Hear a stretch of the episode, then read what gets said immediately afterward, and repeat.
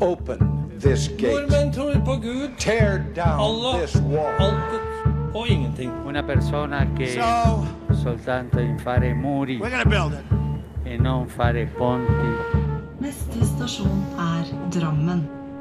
Sukhvinder Singh Jyoti er en stor mann med turban, skjegg og en smittende latter. Sukhvinder er teknolog og jobber for å lage verdens beste dataløsninger for en ny tid. Samtidig er han daglig leder ved Stortingsklinikken, der han og kona hjelper folk med øyesykdommer.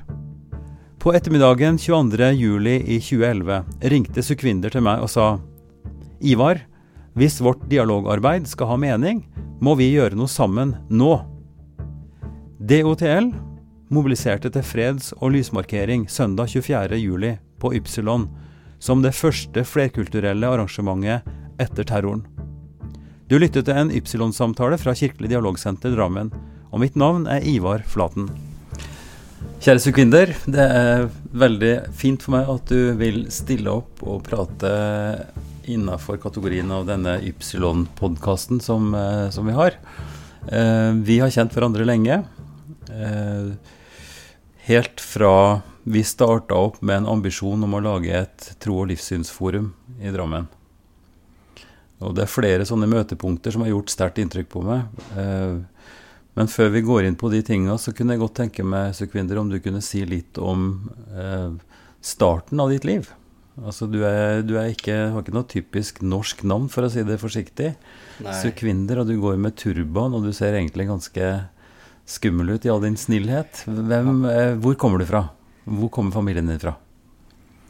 Jeg ble født i Punjab, eh, nordvest i India. Mm. Og eh, inn i en sikh-familie. Eh, vi noenlunde praktiserende sikher. Eh, vil ikke si at eh, vi var svært religiøse. Middels religiøse. Mm. Og eh, som åt, eh, åtteåring så Et par år i forhånd da hadde min far flyttet til eh, Norge. Eh, han hadde vurdert å reise til Danmark en, en, ennå noen år eh, tidligere. Og at ikke det blitt noe av. Eh, bondefamilie. Og eh, hvor eh, eh, jorda ikke kunne brødfø alle, og at det var naturlig at eh, Nesten som i Norge. altså I Norge så har man eh, tradisjoner for og, og lover for uh, at man eh, ikke splitter gårder, mm. som regel i bruk. Ja, ja. Eh, At det én overtar. Mens der så er det et samfunn med 1,3 milliarder mennesker som ikke vet om noe annet enn at eh, jorda må splittes mm. eh, som eneste rettferdige vei. Så og Der blir jo da stykkene mindre og mindre, Mhm. og nesten umulig å drive eh, etter hvert. Eh, Så det var litt av backdropen, og så var min far teknisk interessert og hadde utdanning og sånn innen det, og flyttet til Norge fordi at Norge trengte arbeidere innen jordbruk mm. på tidlig 70-tallet. Det er en veldig interessant analogi der som du helt sikkert har tenkt på, nemlig den norske utvandringa til Amerika. Eh, Mine forfedre hadde jo akkurat samme dilemma i et jordbrukssamfunn hvor, hvor gårdene deltes mellom søsken, og hvor eh, teigene ble for små. Og da var livsmuligheten å, å dra til et sted hvor man kunne finne jord. Og da kom jo emigrasjonen til USA opp, eller til Amerika. Så det var noe av den samme historien. Det er ganske interessant, som jeg tror kanskje mange mennesker ikke tenker så mye på. At, er, at grunnlaget for emigrering og for, eh, for at folk flytter på seg, er rett og slett for å finne livsgrunnlag og fotfeste. Absolutt, og det er eh, store valg å ta. Eh, Du skal være ganske modig. Og dette her er, alt det vi snakker om, er jo før internett. Mm. Eh, Og eh, samfunn som ikke hadde for mye informasjon om hva som var bortafor. Allfarvei. Og hvor det ikke var så vanlig selv å besøke nærmeste by fra landsbygda. Nei. Selv i Norge. Mm. Mm, akkurat samme greia. Og når jeg leser om eh, den norske Amerika-emigrasjonen, Mm. så er det slik at jeg kan se én-til-én-forhold. Ja. Eh, jeg kjenner igjen brevene som eh, Amerikabrevene. Som om de var skrevet av eh, indiafarere, ikke sant? Mine egne. Mm. Eh, de er, alt er gjenkjennbart. Mm. Hele pakka med hvordan du finansierte eh, turen, Ja. hvor, eh, og hvilke forventninger som var for de som ble igjen i Norge. Mm. Om, ikke sant, eh, om at man hadde sendt ut en ekspedisjon Mm. og forventet en return on investment. Mm. Eh, alt dette her, og den dragningen, eh, hvor man da på en måte blir eh, dratt mellom to steder, eh, hvor man både skal finne fotfeste Mm. på det nye Ja. stedet, og samtidig tilfredsstille eh, på en måte de bak. Mm. Og den dynamikken, eh, den eh, har jo jeg vært en del av. Mm. eh, Hvor jeg har sluppet å stort sett finansiere eh, folk bak, fordi at jeg var, kom som åtteåring. Mm. Da hadde jeg gått et par år på skole i India, så jeg kunne lese og skrive, og hadde lært meg en engelsk i fritida. Mm. Eh, Sånn at jeg kunne engelsk, og dermed kunne skrive på en måte norske bokstaver når jeg kom hit. Mm. Jeg jeg lurer litt på om vi kunne spole bitte litt tilbake. Når du var såpass gammel, altså du, du var et barn og et relativt stort barn, gikk på skole i India. Eh, Og du sa noe om at din familie var sånn middels religiøse. Hva slags, eh, hva slags religiøs praksis husker du? Hva var det, eh, på en måte relasjonen deres til, til religion i familien? I forhold til tempelet osv. Kan du si noe om det?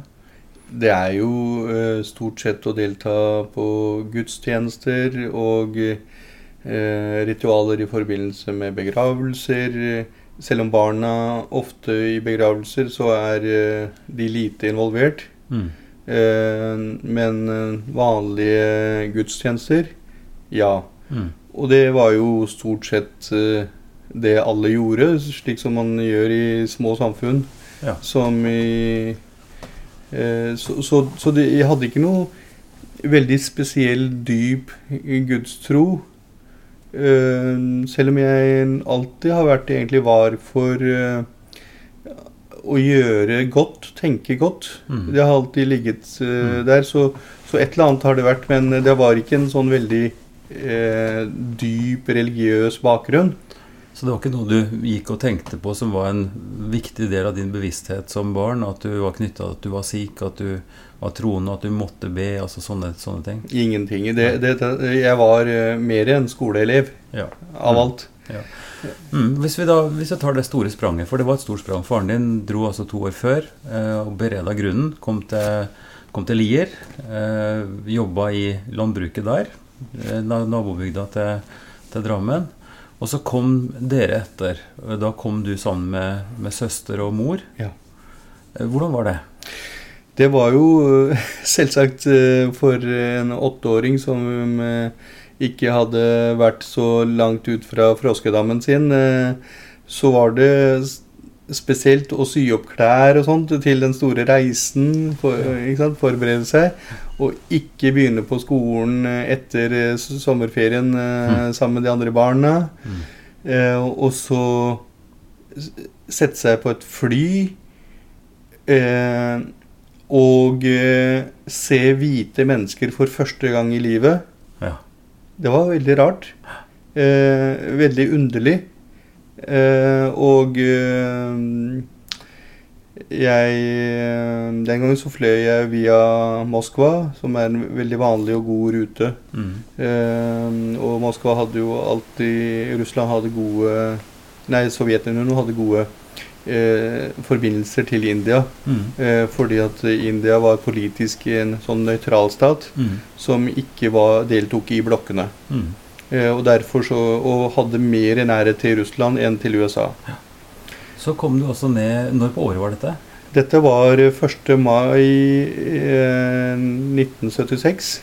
Og 1. mai skulle være sånn noenlunde bra klima, da, men det føltes kanskje ikke sånn? jeg, jeg mm, har bare veldig gode minner eh, fra at jeg ble henta av eh, bondekona eh, Åshild Bjørnstad. Som var helt fantastisk person. Altså hele Alle de, de nordmennene jeg traff på, var fantastiske. Jeg har relasjoner til eh, nesten samtlige fremdeles Ja. fra 1976. Mm. Det sier jo litt om hvor godt jeg følte meg integrert og mottatt. Kunne jo selvsagt ikke et eneste ord eh, norsk. Eh, kunne litt engelsk. Som jeg fort glemte etter hvert som jeg begynte på skolen i august. Mm. Eh, og da begynte jeg ikke i annen klasse, for det var ikke en introduksjonsklasse der. Så jeg begynte i første klasse for å lære meg norsk. Eh, selv om jeg egentlig burde starta i, eh, i andre klasse Mm. som åtteåring. Mm. Eh, Men jeg er ganske takknemlig for at jeg starta i første klasse, for da fikk jeg norsken inn eh, fint. Ja. Det gikk jo ikke lang tid før jeg kunne norsk, men først var det bare ja, nei, kanskje. Mm. Og jeg var veldig redd for å begynne på skolen, for eh, jeg var vant til en streng skole Mm. som, hvor jeg måtte prestere veldig bra Mm. for å føle at eh, jeg ikke skulle få fysisk avstraffelse og sånt. Mm. Eh, og når jeg da visste at jeg nå skjønte at jeg ikke Ja, at skjønte noen, noen ting Ja, så du var redd for, rett og slett for, så, for å få bank, eller for, for at læreren skulle straffe deg? Ja, for uh, dette var jo uh, jeg, jeg hadde jo ingen annen grunn til å tro at dette var noe annerledes enn Nei, det som jeg var kjent med. Og siden jeg nå følte at jeg ikke forsto noen ting, så var ikke det noe moro. Men eh, jeg vil tro at eh, det skulle godt gjøres at eh, Ja, ja. Noen lærere kunne vel kanskje være litt sånn brå. Og det kan jeg huske fra min egen barndom òg. At det var noen som kanskje kunne, om ikke ja, klaps i verste fall, men det skjedde vel sannsynligvis ikke for ofte for deg, det? At uh, lærere brukte sånne midler? Nei, Nei. det var jo selv, selvfølgelig fordi av min uvitenhet om det norske systemet. ja. Men Eh, erfaringen din ble veldig fort motsatt? de- Den ble jo så positiv eh, at uh, det var helt utrolig. Og uh, mot slutten av året så eh, syns jeg husker at eh, da var det ofte at jeg hadde alt rett i, i norsk fordi jeg lærte jo ordene sånn som de skulle være, og Mm. hadde aldri en bakgrunn fra muntlig norsk. Nei. Så hvis det var bananen, så var det bananen. Mm. Og var det fiolinen, så var det fiolinen, og ikke noe annet. Visste Mm. ikke noe om noe annet. Nei. Så det, det eh, Og så har du vel et visst talent for læring, Sukwinder. Altså du tar ting relativt snart. Det, sosiale, da? Altså, var, det mange, var det mange i, i din klasse som hadde tilsvarende utenlandsk bakgrunn? Det var det ikke. Eh, Jeg var nok ganske alene. Eh, Jeg kan ikke huske andre eh, på skolen med Mm. utenlandsk bakgrunn. Hvilken skole gikk du på? Ja. Hegg Ja. skole, Mm, gamle Hegg skole først, Ja. Mm. i Lirebyen. Ja. Og det som skjedde, var at bonden på gården hvor min far jobbet og vi bodde, der eh, var det en gutt som var eh, rundt tre år eldre enn meg, Mm. eh, som eh, integrerte meg helt utrolig inn i sin hverdag. Mm. Hele familien, alle var uh, På gården? på gården. Ja. Det var liksom det, uh, Da jeg fikk boka om uh, Eli Ola og Ola og disse her i E- Egner? e Egner-bok og sånn, så trodde jeg at det var en beskrivelse av den gården jeg var på. For det var jo ikke sånn bonderomantikk. Ola Ola Heia og Ja, disse her? ja. Mm. Alle disse her, eh, de, de kjente jeg jo omtrent igjen. så det var helt utrolig. Det var sånn, sånn romantisk innføring i norsk eh, kultur. Som jeg etterpå liksom skjønte at oi, dette var jo ganske utrolig at jeg fikk den Mm. introen. Mm. Dette er en Ypsilon-samtale fra Kirkelig dialogsenter Drammen. I denne episoden snakker jeg med Sukhvinder Singh Jyoti. Jeg ble tatt med som likeverdig, og den gangen så var fremmedfrykt ikke i vokabularet. Nei. For dette her var e egentlig eh, mer fremmedinteresse, Ja, nysgjerrighet. nysgjerrighet, som var på tråden. Mm. Og i veldig mange år Ganske utrolig, eh, men i mange år så holdt, begynte jeg å gå lei av spørsmålet om eh, Når kom du hit, Mm. og når skal du reise tilbake? Ja. For det var veldig naturlig for mange mennesker å tenke at vi var midlertidig. Mm. Eh, disse første bølgene med innvandrere var på en måte ikke en tanke om at det skulle være permanent. Eh, det var, og mange av oss trodde vi kom hit bare for å tjene den første millionen gåsehøyne. Mm. Altså ikke sant, en Mm. eh, viss slump penger. Mm. Og så skulle vi hjem igjen. Men var det, var det en tanke for faren din og moren din, tror du? Ja.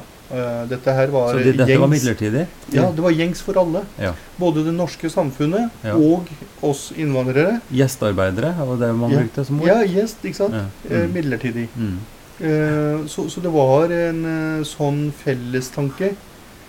Men etter hvert som jeg gikk på skolen og, og ungdomsskole og sånt, og hadde bodd her lenge, og fremdeles fikk spørsmålet om Ja.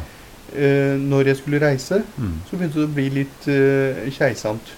Og det, og det er nok dessverre noe som mange ungdommer eh, som er tredjegenerasjons fortsatt opplever. Kanskje ikke når du skal reise, men, men hvor er du egentlig fra?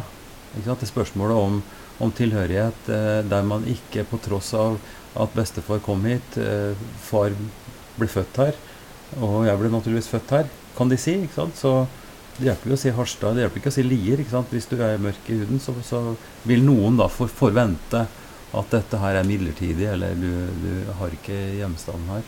Så dette er nok eh, noe som, som faktisk kanskje har tiltatt, og kanskje har det noe med det som du sa, at fremmedfrykt eller, eller kritikk, eh, forsiktighet, eller kanskje til og med frykt for, for fremmede, er noe som har tiltatt. Så det er jo et stort, eh, stort spørsmål som vi har jobba mye med, og som vi kan komme tilbake til. Eh, men, eh, men du har altså ikke, du har ikke opplevd på noe tidspunkt i din skolehverdag å bli mobba eller liksom tatt fordi at du er fremmed? Jeg vil si at jeg ble behandlet som alle andre. Mm. Og, og, og i det ligger også at, Ja, at det er noe erting og mobbing. At alle ja, ja, gjennomgår. Noen er brilleslangen, og noen er tjukken. Jeg ble, jeg ble kalt tjukkas i, i andre og tredje klasse. Absolutt. det, og nå skjønner vi ikke det, hvor det kom fra, men Eller, eller Brille-Jesus eventuelt. Ja, men vi, vi har vært igjennom det. Så uh, når du filtrerer for det, ja. så var jeg bare en del av det. Mm. Og hadde ingen andre opplevelser. Eh, Jeg, jeg var jo så heldig jeg smatt rett inn i skolesystemet. Alt fungerte optimalt. Ja. Jeg hadde det bare gøy.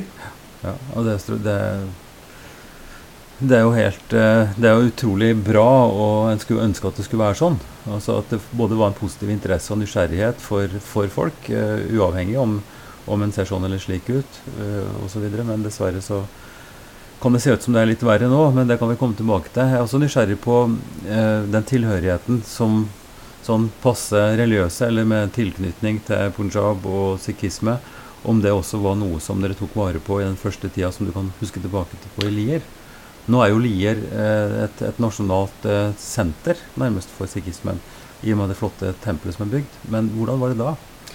For det første er det slik at eh, Lier som eh, et sted å havne på, eh, hadde jo nærheten til eh, først og fremst Fornebu. Ikke sant? Eh, man har ikke all verdens av verken midler eller eh, kjennskap Nei. til å eh, havne andre steder. Mm.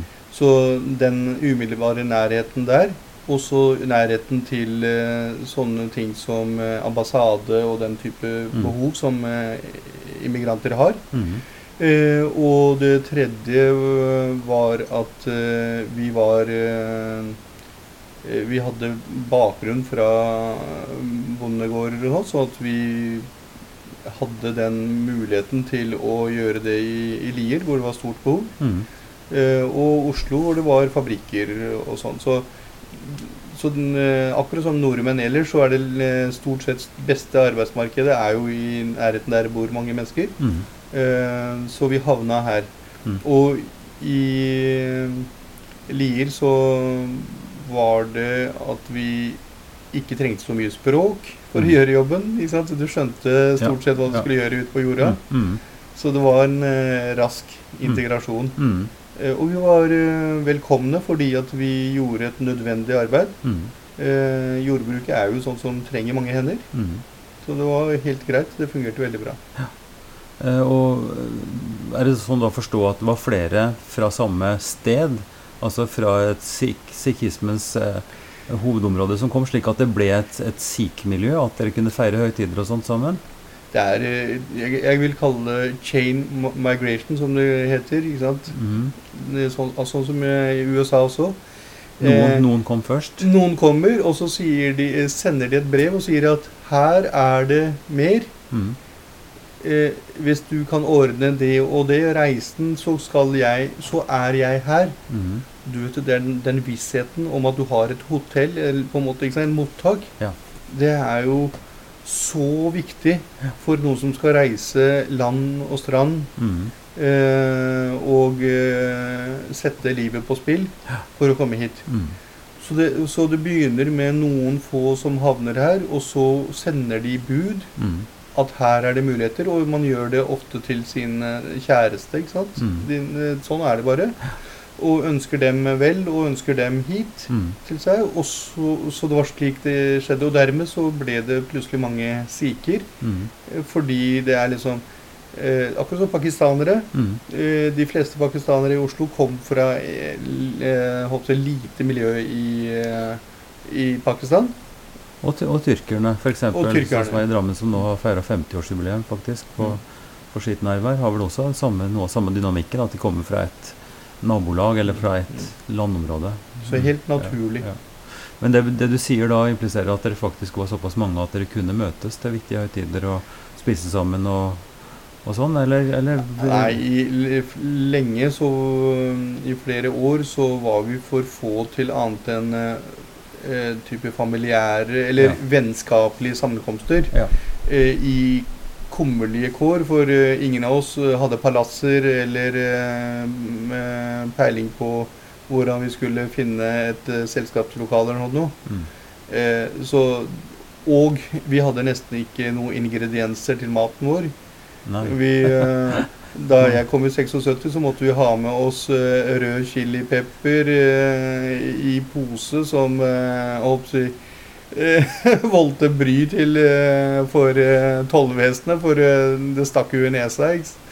Og hadde med oss gurkemeiepulver og ja, nettopp, nettopp. Men ellers så Det er jo noe av det som Nå snakka jeg akkurat med, med din mor på kjøkkenet her, og hun har vært i India en periode og hadde med seg noe av Altså om ikke mat, så kanskje medisinske planter og sånt. Ja. Så, det, så det foregår en, en del direkteimport fortsatt. gjør, gjør det, for det er ikke alt som er å oppdrive like naturlig. Og, og det er jo den Du kan si det er starten på kulturimporten. Mm. For med oss så kom eh, veldig mange ting. Mm. Det gjør det med ethvert menneske. Mm. Du kommer med hud og hår. Mm. Du kommer med din tro. Du kommer med dine bastante oppfatninger av hvordan ting er. Mm. Og du kommer med overlevelsesmekanismene dine. Ehm, og du kommer med arbeidskapitalen din. Eh, du kommer også til et sted hvor du vet at du er en inntrenger. For det er en visshet om at eh, du er jo ikke en naturlig del Nei, av nei. dette miljøet. Ja. Og du må et, først være, gå stille i dørene. Mm. Etter hvert så blir man eh, større i kjeften eh, og mer kravstor fordi man føler at man forstår hvordan ting er. Ja, eller kanskje også føle forankring og, Ja. og tilhørighet. Tilhørighet. At man er en del av fellesskapet som har både sine muligheter og plikter, men også krav. Og, Krav også. Ja. Og det, eh, og det er jo sånn at det er en veldig vanskelig dynamikk. Mm. For det er lett å føle at man blir trådt eh, på tærne både av de som bodde i huset fra før, Mm. og fra nykomlingene som eh, føler at de ikke blir tatt imot så godt. Mm. Men sånn vil det jo være i enhver situasjon hvor Mm. noen beveger seg inn i andres områder, og omvendt. Det, er, det er en sånn klassiker eh, som du sikkert har hørt, og som vi kan le av. Men, men de som var på utleiemarkedet i Drammen da, Drammen er jo en industriby, har vært gjennom mange mange år. så var det jo faktisk noen forbehold om at de ikke ville ha nordlendinger. Sånn, så det med forflytting kan også være distriktsvis innenfor et land, og at eh, det, det perspektivet er ganske smalt. Så, så det, det, det er vel noe ganske universelt her. altså at vi, Den, den trygghetssfæren vår er ikke så veldig stor i utgangspunktet, så vi må lære og erfare at, eh, at det ikke er så farlig. Um, du Ja, vi kan nok trygt si at, eh, at både du og søster eh, har jobba hardt, eh, sånn som dine foreldre gjorde, har skaffa dere muligheter til utdanning. Og, og du gikk innafor IT-sporet. Kan, vil du si noe kort om det? Hvordan, vi må spole litt raskt der, fordi Ja, vi kan ikke gå inn i dybden. Jeg har eh, helt siden jeg var eh, lite barn, eh, i treårsalderen i India, hatt interesse for teknikk og elektronikk. Mm. Så det, det var et eller annet naturlig iboende. Og min far er radiotekniker. Ja. Eh, Radioteknikeren som ble landbruksarbeider. ja, ikke sant. Men det, det var Det spranget var ikke stort siden han var, kom fra bondegård. Nei. Eh, så, så det var eh, bare ok. Ja. Mm. Eh, det fungerte kjempebra. Mm. Men klart, eh, han eh, tenkte noen, en gang på Tandberg eh, radiofabrikk, som ja. var i Sandvika. Mm. Eh, men det kom, kom, kom ikke noe vei der da. Eh, så jeg fortsatte med elektronikk. Jeg var jo så heldig da at jeg i Norge kom til et samfunn hvor tilgangen på alt, både kunnskap og eh, si, byggesett og alle disse tingene, Mm. var så mye mer tilgjengelig enn det samfunnet jeg flyttet fra, Mm. at det var helt utrolig. Så allerede en eh, halvannet år etter at jeg kom hit, så begynte jeg med elektronikk og begynte å bygge ting. Og så var det en onkel av meg som jobba på Norcem eh, sementfabrikk i eh, Ytong i Hokksund, Mhm. som sa det at du, har du hørt om computer? For det er noen som snakka om det på jobben. Og det var Jeg visste ikke hva det ordet var. Eh, men gikk til Drammen folkebibliotek, som Mm. eh, har vært en fantastisk venn for meg. Mm. Før internett, ikke sant? Mm. Eh, og før du har nok Mm. penger til å kjøpe alt. Mm. Eh, og spurte har du noe om computere. Og det, de hadde ingenting på barneavdelingen eh, den gangen. Bare noen få bøker på voksenavdelingen. Mm. Og det var jo universitetsforlaget. selvsagt. Det var jo ingen andre lavere ting som underviste i det det da. Så det var eh, min introduksjon. Jeg lærte faktisk å programmere ved å lese den første boka om programmering. Mm. Eh, og da hadde jeg vært et par år i Norge. Mm. Eh, og leste da eh, denne boka fra universitetsforlaget om eh, programmering i basic. Mm. Og lærte meg det. Mm. og hadde ikke tatt inn datamaskin og begynte å skrive programmer på papir. Som senere år ble verifisert at eh, så, så det var en helt naturlig greie. Det er en, dette er jo bare den eh, sånn fornavnet eller introduksjon til Sukhvinder Singh Jyotis eh, tekniske interesse, og du jobber jo med ganske store prosjekter. Samtidig som, eh, som du jobber på klinikken til, til kona di, Stortingsklinikken, eh, øyeklinikk. Eh, så det må bli et eget kapittel, tenker jeg, seinere. Dette er en Ypsilon-samtale fra Kirkelig dialogsenter Drammen. I denne episoden snakker jeg med Sukhvinder Singh Jyoti. Hvis vi spoler nå veldig raskt, så, så da jeg kom hit til Drammen sjøl eh, og begynte å jobbe i 2006, så ble jeg veldig fort eh, Pga. karikaturstrid og sånn, så ble jeg satt i kontakt med, eller vi, vi begynte å snakke sammen noen for å prøve å, å lage et nettverk for å mot, motvirke unødige spenninger og, og bråk i, i forlengelsen av dette. Først og fremst muslimske venner som tok kontakt. Men da kom også Sukhvinders navn veldig fort opp. Og for det første syns jeg det var et utrolig spesielt navn. Jeg hadde- visste jo ikke the first thing om, om eh, sikhismen eller indiske. Jeg har ikke noen indiske kontakter. Men du kom relativt fort på banen, husker jeg. Og når vi da jobba for å etablere dette Drammen Omegn Tro og livssynsforum, så var du med i en, en startkomité. Eh, Hvorfor var det viktig for deg? jeg så jo eh, den gleden jeg selv har hatt av å være eh, godt integrert i det norske samfunnet og føle meg vel ivaretatt. Og de spenningene som oppstår, og jeg tenker at eh, det å være brobygger mellom disse spenningene, slik at det blir minst mulig unødvendige spenninger, Mm. eh, var et eh, bidrag jeg hadde eh, både mulighet til og lyst til å bidra med, og føltes som en plikt. Mm. Eh, så det, det var en eh, Det var noe som var eh, veldig nært mitt hjerte å se det forenlige Mm. i alt det vi driver med, Mm. istedenfor uh, det uforsonlige og, og konflikt. Mm. Mm. Så det var eh, Og jeg fant ut at eh, dette må vi gjøre en innsats for, for dette kan ikke la seg eh, på en måte utvikle på egen hånd. Mm. For uten føring eh, så ser jeg at det går mest i, retning splid. Mm. Og det må en strukturert innsats Mm. for å vende dialogen inn til forsoning og sameksistens. Og, og dette har jo du vært med og bidratt til i de første årene og gjennom mange år. Eh, eh, og, og, det, og det forumet foregår- fortsetter jo. Altså det er jo nå elleve år siden det ble stifta formelt i 2008, eh, som du var en sentral del av.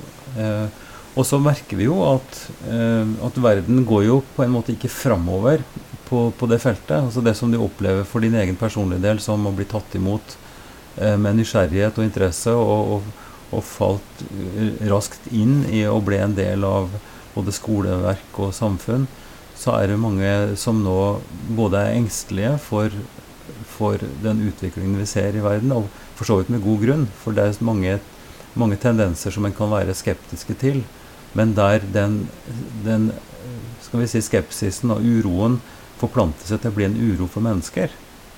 Altså at man, at man, at man knytter den uroen og den redselen til eh, både tradisjoner og til enkeltmennesker. At man blir liksom mistenksom. Fordi av den eneste grunn at den er en del av en verdensreligion, islam f.eks., eller fordi at man har en, en litt annen ansiktsfarge. Og dette er jo et mysterium som, som det er vanskelig å ta inn, men som på en måte blir en utfordring, og er stadig en, en, en utfordring. Og det fikk jo et forferdelig dramatisk utslag eh, i, i 2011. Eh, og jeg husker enda jeg satt, jeg er interessert i sport, så jeg satt og så på Tour de France i juli.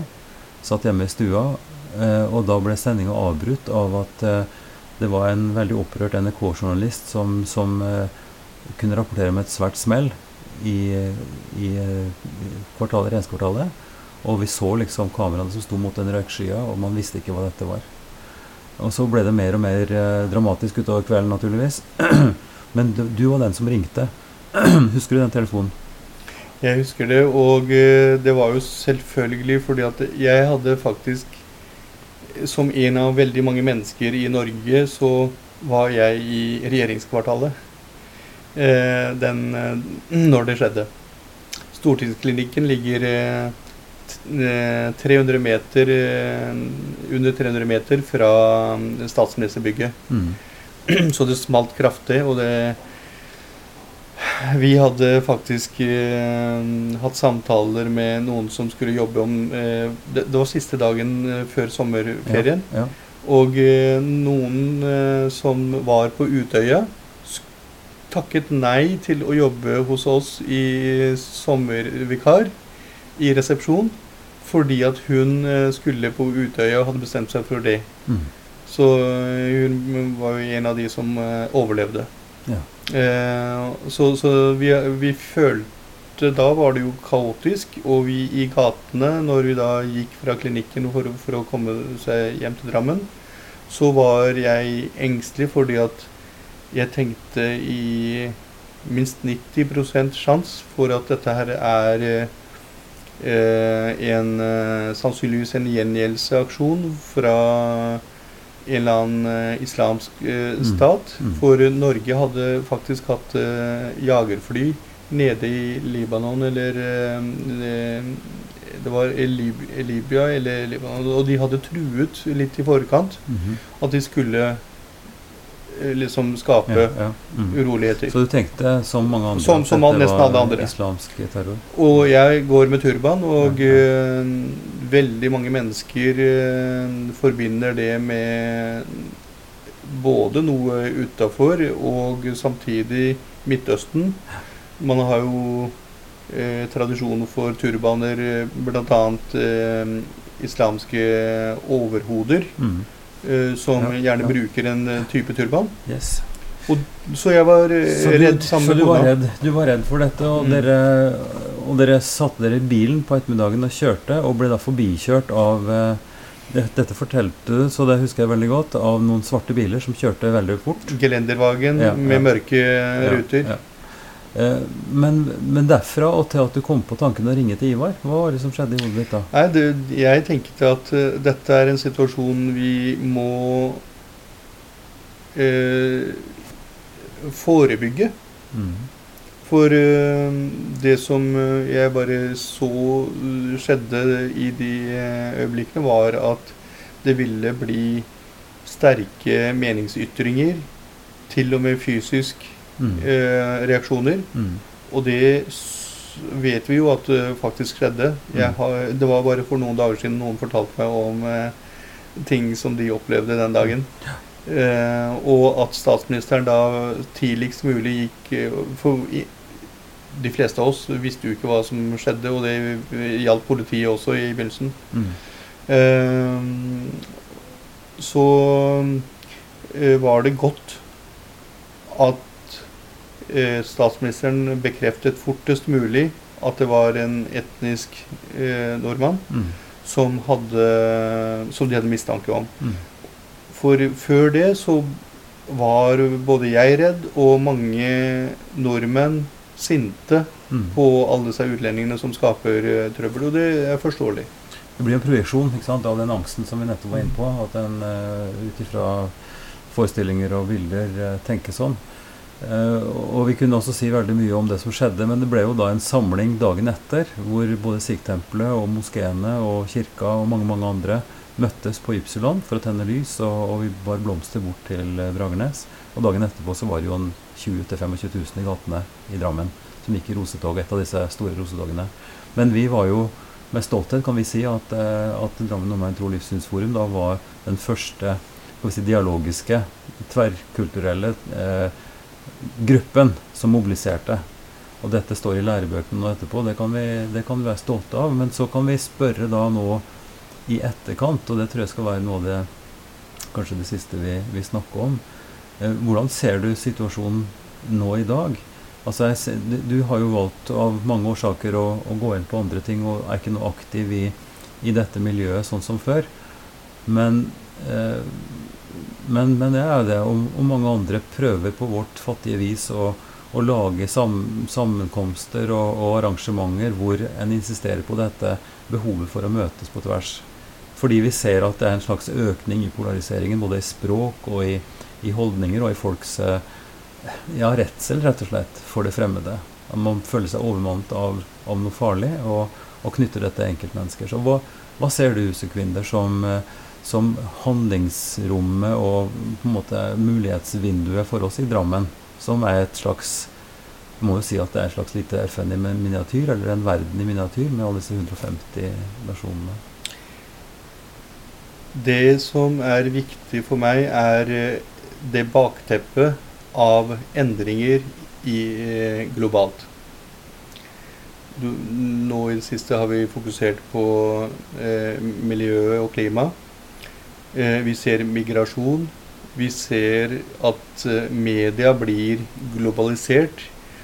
Alle vet alt om alt, og eh, du kan få eh, samme Ray-Ban-brillene her, eller Delhi, eller Punjab. Eh, altså, det er en globalisering, Mm. og den har gått fort. Mm. Eh, det som gjør eh, det bakteppet, eh, det skaper svært mye uro og angst for hva vil fremtiden bringe. Mm. Og når det bakteppet er der, det vil si at vi alle føler at eh, vi er en del av et usikkert fremtidsbilde. Uavhengig av om vi er nordmenn eller indere eller sikher eller kristne eller hinduer eller muslimer. Så hvor vi ser at eh, ulikhetene vokser, eh, og, eh, men kunnskapen om hva, hvilke liv du kunne fått, øker. Det betyr at du er ikke lenger i ditt lille på en måte rom, og, men du ser verden og gjerne glorifisert Mm. utgave av verden eh, rett inn på mobilen eller eh, på TV-skjermen.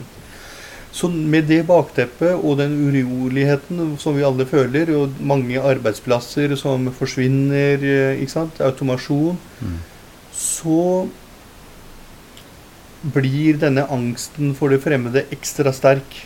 Eh, og eh, det, det arbeidet som må til for å få dette til å bli en tryggere situasjon, blir mer krevende. For det vi ser, er eh, nasjonalstatene, fascismen eh, ikke sant? Dette her, Den har fått sin grobunn i de enkle forklaringene. Mm. Fordi at når verden blir usikker, så er det best også uh, være struts. Mm. Og lukke igjen øynene og stikke hodet i sanden. Eh, eller sånn som jeg gjør, jeg bare trekker ned turbanen, sånn at jeg slipper å lete etter sand. Og så lag- lages det noen sikre rom, på en måte. Ja, ikke sant? Altså trekke seg tilbake til familie, eller jobbe med det en har oversikt over. Ikke sant? Man, Iallfall det man tror man har oversikt over. Ja. Men- men Problemet er- er at det er, er jo ikke sant. Men hva er da poenget? Altså Fordi en kan jo bli pessimist, og kanskje litt kynisk også, på hva er poenget med å skulle insistere på dette samtalerommet og møtes på tvers? Altså i den store sammenheng. Eh, Vi, vi, vi løser jo ikke verdensproblemene, men vi kanskje får det noe bedre. Hva, hva, hva tenker du er drivkraften eventuelt i å skulle holde på med dette? Kjærlighet er drivkraften. Og den eksisterer som en sterk kraft overalt. Mm. Eh, det er den som gjør at vi Uansett hvor lite fremgang vi ser, så ser vi håp. Fordi lysten til å lykkes er så sterk. Eh, og vi bruker enormt mye energi til å oppnå ganske små ting. Mm. Men hvis ikke vi har utløp for kjærligheten i de prosjektene vi bedriver, hvordan Da blir eh, livet på en måte litt meningsløst. Mm. Så du kan si at eh, pragmatisk kanskje det ikke kommer så veldig mye ut av det, men det bygger oss som individer. Og av individer så blir vi samfunn. Mm. Så det er eh, en sånn merkelig eh, dynamikk hvor eh, vi havner på en tredemølle, og selv om vi ikke kommer av flekken, så blir faktisk kroppen vår sterkere Mm. etter at vi har løpt. Mm. Selv på en tredemølle. Så det er sånn jeg tenker at selv om du løper i motbakke her og ikke føler at det eh, dialogarbeidet på en måte har enorm eh, fremgang, Mm.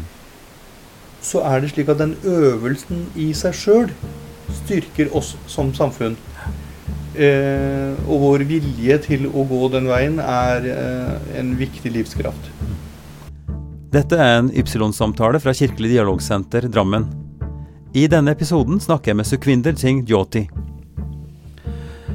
Sukhvinder, jeg må fortelle om en, eh, en opplevelse jeg hadde bare for en par uker siden. Da var jeg i, i Malmö på en nordisk konferanse for uh, folkekirker, dvs. Si altså lutherske evangeliske kirker i Danmark, Sverige, Finland, uh, også i Tyskland. Og perspektivet vårt da var hva, hva kan vi bidra med som majoritetstrossamfunn for minoritetene? Ikke sant? Hva er vår, vårt ansvar på en måte som storebror eller storesøster eller sånn i, i, i en analogisk forstand? da. Eh, og da hadde vi besøk av en veldig interessant, eh, eh, en veldig interessant eh, eh, leder for, et, for den store moskeen i Malmö. Eh, han het Salahuddin Barakat. Eh, ganske konservativ, sunni-muslimsk, altså med leder har fått stor, har stor anerkjennelse og var en leder. Han hadde eh, sammen med en kollega fra det mosaiske, fra, altså en rabbi, begge to relativt konservative, eh, tydelige på sitt ståsted, men de hadde gått sammen og laga en organisasjon som de kaller Amana, som rett og slett har som hovedpoeng å støtte hverandre mot hatkriminalitet og skadeverk. Og I løpet av et år så hadde de gjennom sitt arbeid og mm, internt hos hverandre og offentligheten klart å bidra til at skadeverket har gått dramatisk ned. Det som var det komiske, eller det morsomme, eh, som jeg har lyst til å stille spørsmål om, det er jo når vi da stilte som, på en måte, som majoritetsrepresentanter, hva kan vi gjøre for dere? Hva kan vi bidra med positivt? Så sa den gode imamen at eh, vi skal nok klare oss, men dere må snakke med deres egne. Dere må snakke med deres egne, fordi Sverige har eh, Sverigedemokratene, eh, Sannfinnene i Finland, eh, Alternativ for Deutschland i Tyskland, og vi, ja, vi kan tenke på hvem vi har hos oss, men det er krefter som vil splittelse, som blåser eh, til glørne når det er snakk om, om å markere avstand og kanskje til og med bidra til frykt. Det var en lang innledning til et spørsmål, men spørsmålet er, og, og det jeg ber deg reflektere over, det er jo hva kan vi få gjort i våre egne kretser? Altså i, eh, i Sikh-tempelet, i kirken, i samfunnet i stort, for å motvirke den populismen som nå i større og større grad ser ut til å ri Europa. Har du tenkt på det? Det er et eh, omfattende, vanskelig spørsmål og tema som du tar opp. Inni mitt hode så ha, jobber jeg aktivt med å finne hva som eh, denne si, denne splittelsen mellom eh, mennesker, et filosofisk altså grunnsyn på hva som er rett og galt, eh, og hvordan vi kan gjøre noe for å komme oss over der, slik at mennesker på begge sider av denne, denne splittelsen kan få et bedre liv. For, for meg så begynner det med menneskeverdet. Eh, jeg tenker at vi mennesker eh, er alle skapt i Guds bilde. Vi er like for Herren, for Gud. Eh, derfor så må vi også få like muligheter på denne jorden. Og i det ligger det at Ikke det at vi skal på en måte eie like mye, for det å eie og sånt, det er begreper vi har dannet oss kulturelt. Dyr trenger f.eks. Eh, et område å beite på og sånt, men de eier jo ikke området, de har bare tilgang på ressurser. Og eh, vi mennesker, vi må tilbake dit at vi må erkjenne det menneskelige først. Og der har jo Skandinavia en fantastisk tradisjon etter hvert på, gjennom sosialdemokratiet, som da selvsagt noen mener har gått altfor langt. Eh, at det bare er blitt en sånn verdensmester i å være snill mm. eh, og, og dumsnill. Mm. Eh, det er jo mye av oppfatningen. Ja. Eh, og det kan det være, for eh, vi lever i en tid hvor eh, du hele tiden på en måte aldri lever i isolasjon fra omverdenen. Eh, og når verden er kommet mye tettere på, så betyr det også at mennesker som kanskje tenker for, forskjellig, eller har hatt forskjellig oppvekst, møter da mennesker mye raskere og fortere. Mm. Og på den måten så blir uenigheten og skillelinjene mer tydelige. Men det er der jeg føler at den største barrieren og den tingen som vi kan gjøre, faktisk fremtrer. Og det er det at ser vi på det livet jeg lever, fra jeg står opp til jeg legger meg hver dag, så er det så utrolig sammenlignbart med hvilken som helst menneske hvor som helst på jorden. Mm. Eh, og det er eh, at eh, om du bor i jungelen i Amazonas eller New York-jungelen eh, eller i Oslo eller Drammen, så har vi utrolig mange enkle, like menneskelige behov. Mm. Og det vi ser, er at den største forskjellen er at de menneskelige behovene ikke dekkes likt mm. i verden. Mm. Eh, det som Men de, de, Om jeg kan få avbryte litt, eh, så tenker jeg Dette er vi enige om, og jeg tror også det er lett å se det, at de grunnleggende menneskelige behovene er like. Altså at vi, og at vi har et ansvar for utjevning. ikke sant? At vi, at vi er tjenere for hverandre på den måten. Det som er dilemmaet, og som, som er kanskje ikke spissa nok i spørsmålet, men hva skjer når vi internt i vår egen forsamling, altså når i sikttempelet eller i menigheten på Fjell eller hvor som helst, begynner å få en følelse av at vi må passe oss selv mot de andre? Altså at det ligger en slags tankegang om at annerledesheten, eh, at du med ditt skjegg og med din turban instinktivt fremstår som en trussel. Altså du er annerledes, og derfor så må vi passe oss. Eh, og at den tankegangen også får, eh, får feste da, inn, innad i forsamlingene våre. Og tusenkronerspørsmålet er jo hvordan vi kan motvirke det i teologien. Altså i forståelsen på livet og, og virksomheten og verden sånn som vi ser det. Men også som, som ledere. Hva slags samtaler, hva slags tiltak, hva slags metode kan en bruke for at flere kan oppleve og forstå med både hjertet og, og magen at, at, det er sånn, at vi er likeverdige? Jeg tenker at uh, mye av uh, det å skape seg en maktbase det dreier seg om å snakke om oss og dem. Mm. Det gir kirken eller sikh-tempelet en uh, mulighet til å sementere sine fremfor de andre. Mm. Og det er der jeg føler en av de største eh, mulighetene til å gjøre endringer ligger. Eh, nemlig ved å ufarliggjøre de andre. Mm, eh, og det er der menneskelighet kommer inn. Mm. Nemlig at når jeg har vært eh, på ut, veldig mange tilstelninger i Den norske kirke, så har jeg hatt en uh, veldig stor grad av gjenkjennelighet i det som det blir snakket om. Mm. Uh, de menneskelige dilemmaene osv. Mm. Det er universelle behov.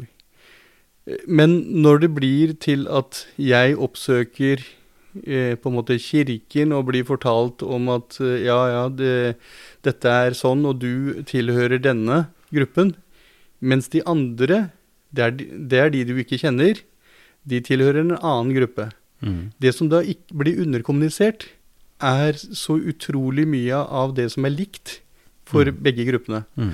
Og måten vi kan uh, gjøre det på, har jeg snakket med deg om uh, tidligere. At jeg har lyst til at vi skal rett og slett uh, kunne snakke sammen på tvers av menighetene våre, f.eks., altså rent religiøst. Uh, og det er derfor DOTL var en sånn møteplass. Mm. Uh, men jeg tenker at vi skal besøke menighetene uh, rett og slett direkte. Få en type gjestetalermulighet. Ja. Mm. jeg er veldig åpen for at vi burde praktisere det mellom alle menigheter her i Drammensområdet, i DUTL iallfall. Mm. fordi at det ville åpne opp mikrofonen på tvers, mm. og dermed menneskeliggjøre og alminneliggjøre de, de andre. Mm. Når de ikke lenger er de andre. Rett og slett å ta, ta gjester inn i, i uh, Ikke i, i ritualet, men i hvert fall inn i huset og inn i en, en forsamling som er samlet der fordi at de er sikher, f.eks. Og så kommer det en prest eller en, en, fra et tempel eller fra en synagoge for å, for å komme med en hilsen eller komme med et lite foredrag eller, eller si noe om det er det du tenker? Absolutt. Og stille seg til rådighet for spørsmål. Ja. Mm. Eh, rett og slett en åpenhet. Transparens. Mm. Eh, jeg har også tidligere vært eh, tilhenger av å, eh, at alle liturgier, på en måte, og samlinger, iallfall i åpne saler, burde kringkastes på web. Mm. Slik at uh, uansett om du er, er, muslim eller ikke, så kan du høre hva som blir sagt fra uh, talestolen i den lokale moskeen. Mm. Eh, dermed så kan du i det minste fjerne litt tvilen om hva som på en måte blir sagt ja. derifra. Mm. bare sånne små ting. Mm. Fordi at disse usannhetene de får lettest vinger når vi på en måte later som det er lukkede forsamlinger, Mm. og også dem. Det er kjempespennende, og det- er klart det skaper en del spørsmål. Én ting er jo tradisjonen og hvordan det snakkes, altså hva prekenen og, og, og belæringen, eller hva man skal kalle det, skjer. eh, Om den er tilgjengelig språklig sett. Eh, Fordi at vi ser jo både eh, innenfor Den norske kirke, og som snakkes norsk, naturligvis, og i, i etniske moskeer eller templer, at det føres et språk som ikke er tilgjengelig for, for flertallet. Så det, det skaper jo samtidig da et behov for at det som skjer, har, en, har et språk som, som, som fellesskapet vårt i Norge da, kan, kan eh, tilnærme seg. Men jeg syns det er en, eh, en interessant tanke, og jeg skal gjerne ta det videre. Vi har nå i, i Fjell kirke eh, Jeg kan jo si det også, for de som hører på nå, at vi, vi har en månedlig dialog-kveldsgudstjeneste. Hvor vi har en kristen gudstjeneste, men hvor vi inviterer et menneske til en samtale foran forsamlingen. Og da er poenget at vi tar, eh, inviterer mennesker som representerer eh, andre, eh, ikke bare andre, men, men også andre tros- og livssynssamfunn.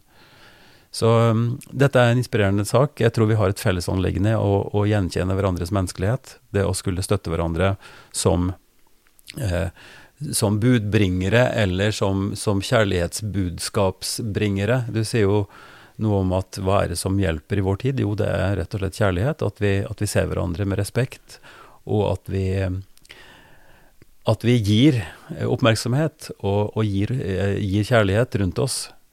Eh, mer enn at vi sitter og, og skal på en måte forvente eh, at andre ser oss og hjelper oss. At det er en tvetydighet i det. At vi har det ansvaret. Og så må vi med de ansvarsoppgavene vi har i Siktempelet, i menighetene rundt omkring, forsøke så godt vi kan å formidle at, at medmenneskelighet, at vi er i samme båt, så å si, at vi er sammen i dette samfunnet for å kunne hjelpe hverandre og, og bistå til at, at det blir lettere og bedre å, å, å leve her. Så det er min eh, forståelse, og, og jeg er veldig glad for din innsats gjennom mange år, og, og håper at vi kan samles og, og finne støtte, også når ikke det smeller i regjeringskvartalet, men når vi i det daglige ikke glemmer å holde fast i dette og hjelpe hverandre til det. Mm. Sånn med eh, lite tilskudd på de, dine kloke ord, så er det det at internt i min menighet, Sikh-menigheten som holder til i Lier, så har jeg tatt til orde for at vi må vende oss ut av vårt in, vår på en måte indre eh, bilde. Mm. Eh, vi må henvende oss til lokalsamfunnet. Vi sikher, eh, akkurat som de kristne, har jo fått bud om å hjelpe eh, de svake. Mm. Og de svake finnes rundt oss overalt. Mm. Uansett om de går med turban eller ikke. Mm. Eh, om de er hvite eller brune. Og eh, derfor så vil jeg også at mine egne skal gå den veien at de søker ut til sine nærmeste, som er den naboen som bor på bondegården rett ved tempelet osv., og, Mm. og hjelper dem til en tryggere og bedre fremtid og hverdag. Mm. Det er det vi på en måte, vi har gle stor glede av, den, å kunne ha noen som trenger den kjærligheten. Mm. Så det er en gjensidighet. Ikke bare å få, men også å gi. Sukvinder, eh, igjen, tusen takk for en eh, fin samtale. Eh, vi eh, fortsetter arbeidet vårt. Takk skal du ha. Ypsilon-samtaler er en podkast fra Kirkelig dialogsenter Drammen.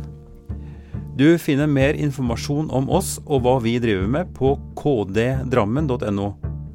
Hvis du ønsker å høre flere samtaler, søk på Ypsilon-samtaler på din podkast-app, eller gå til våre nettsider. Ypsilon-samtaler er støtta av Drammen kommune og Barne- og familiedepartementet.